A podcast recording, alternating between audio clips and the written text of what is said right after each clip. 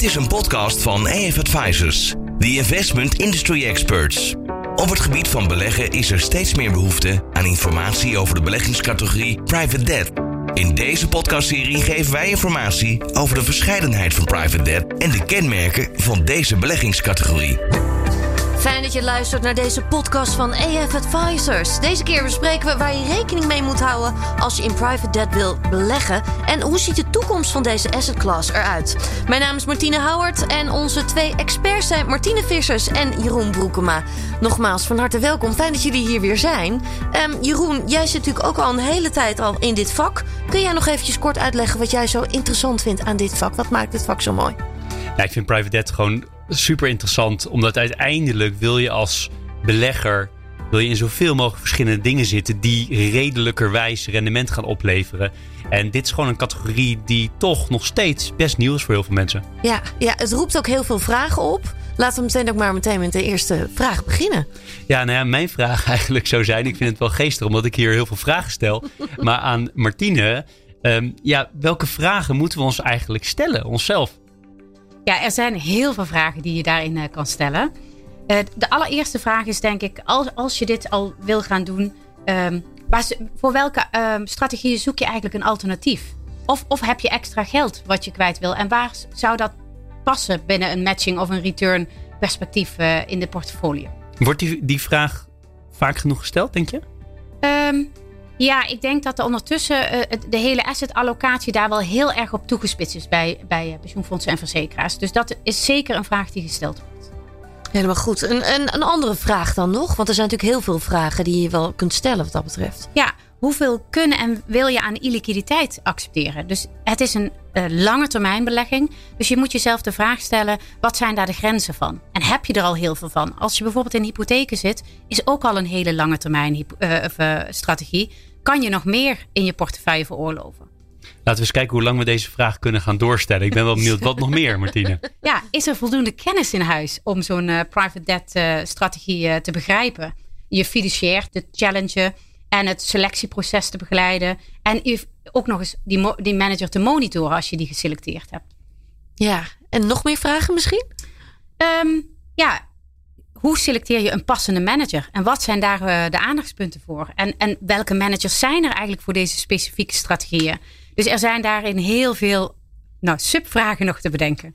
Ik ga het nog één keer proberen. Kijken hoe ver ik dit kan, kan pushen. En hiernaast niet meer grappig. Maar dus je mag nog één keer proberen. Maar zijn er nog meer vragen? Ja, zeker. Wel. En, ik heb, ah. er, er, zijn er eigenlijk nog twee die echt heel belangrijk zijn. Uh, belangrijk is ook als je uh, een private debt strategie kiest. Omdat je dit wil... Uh, uh, omdat je een connectie wil maken met de reële economie, dan is de locatie van je manager ook heel belangrijk. Waar zit hij en wat doet hij en heeft hij de boots on the ground? En, en misschien wel nog een belangrijke vraag in het licht van ESG, wat uh, in ieder geval voor de Nederlandse en Europese beleggers steeds belangrijker wordt. Welke ESG-doelstellingen kan je invullen met deze strategie?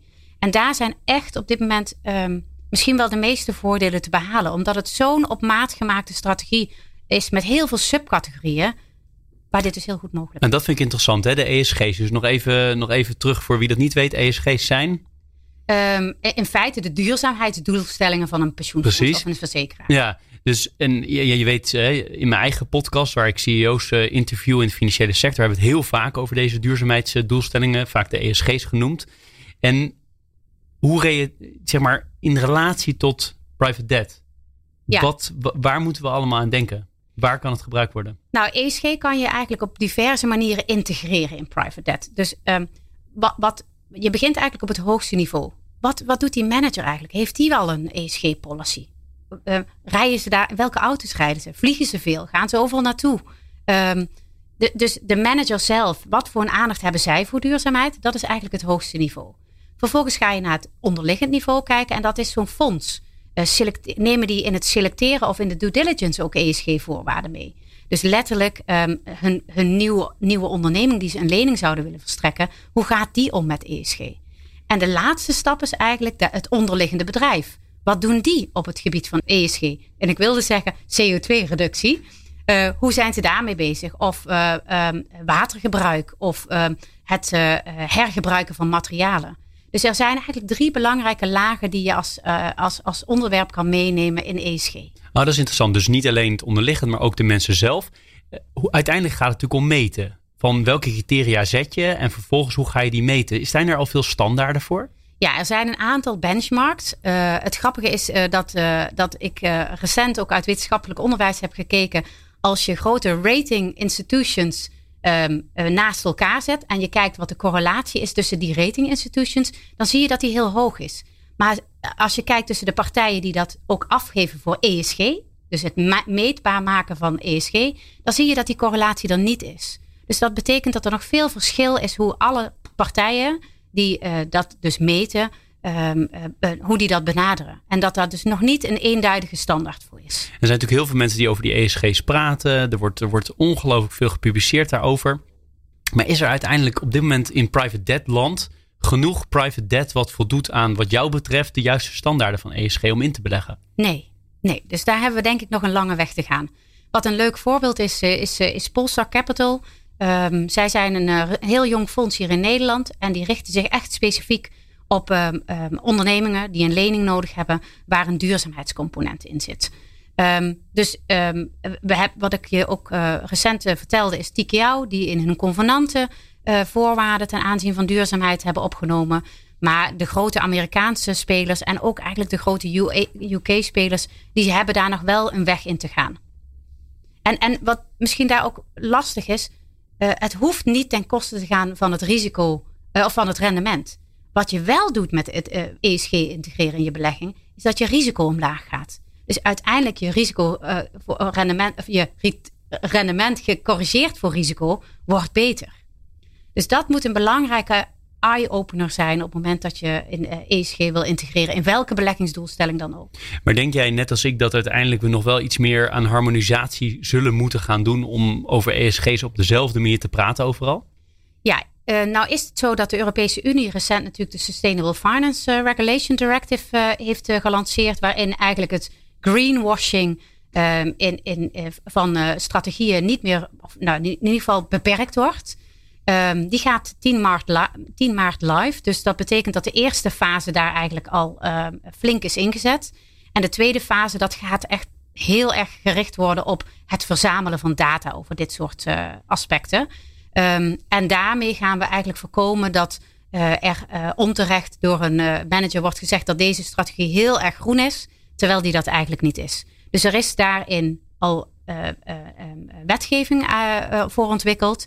Um, en dat, dat is vaak de eerste driver om, om de verandering in te zetten. Um, maar er zal daarin nog veel verandering gaan komen. De... Ja, het klinkt inderdaad als, uh, als we just getting started. Dat we nog redelijk aan het begin van, staan van de hele ESG-trend, ook in private debt. Uh, als we met jou verder in die, in die toekomst gaan kijken, laten we een glazen bol neerzetten. Welke ontwikkelingen zie jij nog meer voor de, voor de toekomst in relatie tot private debt? Nou ja, wat, ik, wat, wat belangrijk is, wat ik ook al zei, practice what you preach als manager. Dus zorg dat je diversificatie hebt. Um, een mooi voorbeeld daarvan is eh, eh, NNIP. Zij hebben een alt-credit team met tien nationaliteiten, uh, waarin ook echt een, veertien nationaliteiten zelfs. Een heel groot aantal daarvan is ook vrouw. Dus dat, zijn, dat is eigenlijk wat je als manager ook wil zien. wat we ook zien is dat de overheid steeds meer zich gaat committeren om hier ook een vliegwiel in te zijn. EIB eh, e die garanties gaat verstrekken, zelfs ook rechtstreeks leningen. Eh, er komt straks een nieuw initiatief van InvestNL, EZK en EIF uh, om MKB-ondernemingen of fondsen die MKB-ondernemingen financieren, te financieren. En daar worden institutionele beleggers ook verleid om daarin ook hun aandeel te nemen. Um, ja, wat, wat denk ik ook belangrijk is, en dat is misschien in het licht nu van de huidige ontwikkelingen, um, aandacht voor herstructurering. Dat wordt ook een hele belangrijke. Hoe doe je dat op een menselijke manier? Zonder daarbij natuurlijk je belangen te verliezen.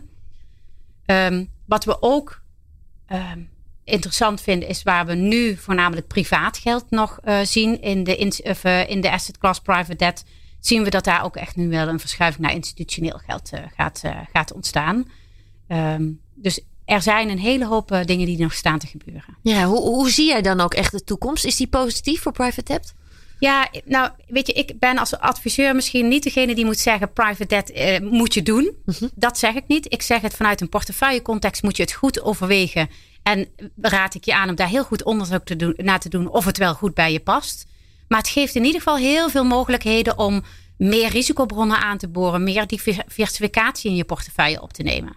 Maar zie je dan veel partijen waarvan je denkt, ja, daar zou het eigenlijk heel goed bij kunnen passen, maar ze doen er nog niks mee?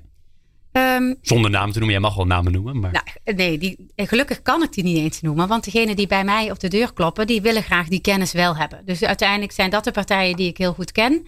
Ehm, en uiteindelijk, um, voor, voor, voor, hen is, is het de, alle aspecten die we nu in deze podcast hebben uh, behandeld, zijn daarin heel belangrijk. Ja. ja, en het begint eigenlijk al met de juiste vragen stellen waar we eigenlijk al mee begonnen. Hè? Ja, dat is het. Heel cruciaal iets. Ik wil jullie beiden bedanken voor het delen van al jullie kennis. En uh, heel graag nog weer tot de volgende keer. Dank jullie wel. Graag gedaan. Graag gedaan. Tot zover deze aflevering van de EF Advisors podcast over de beleggingscategorie Private Debt. Kijk voor meer informatie op de website ef-advisors.nl.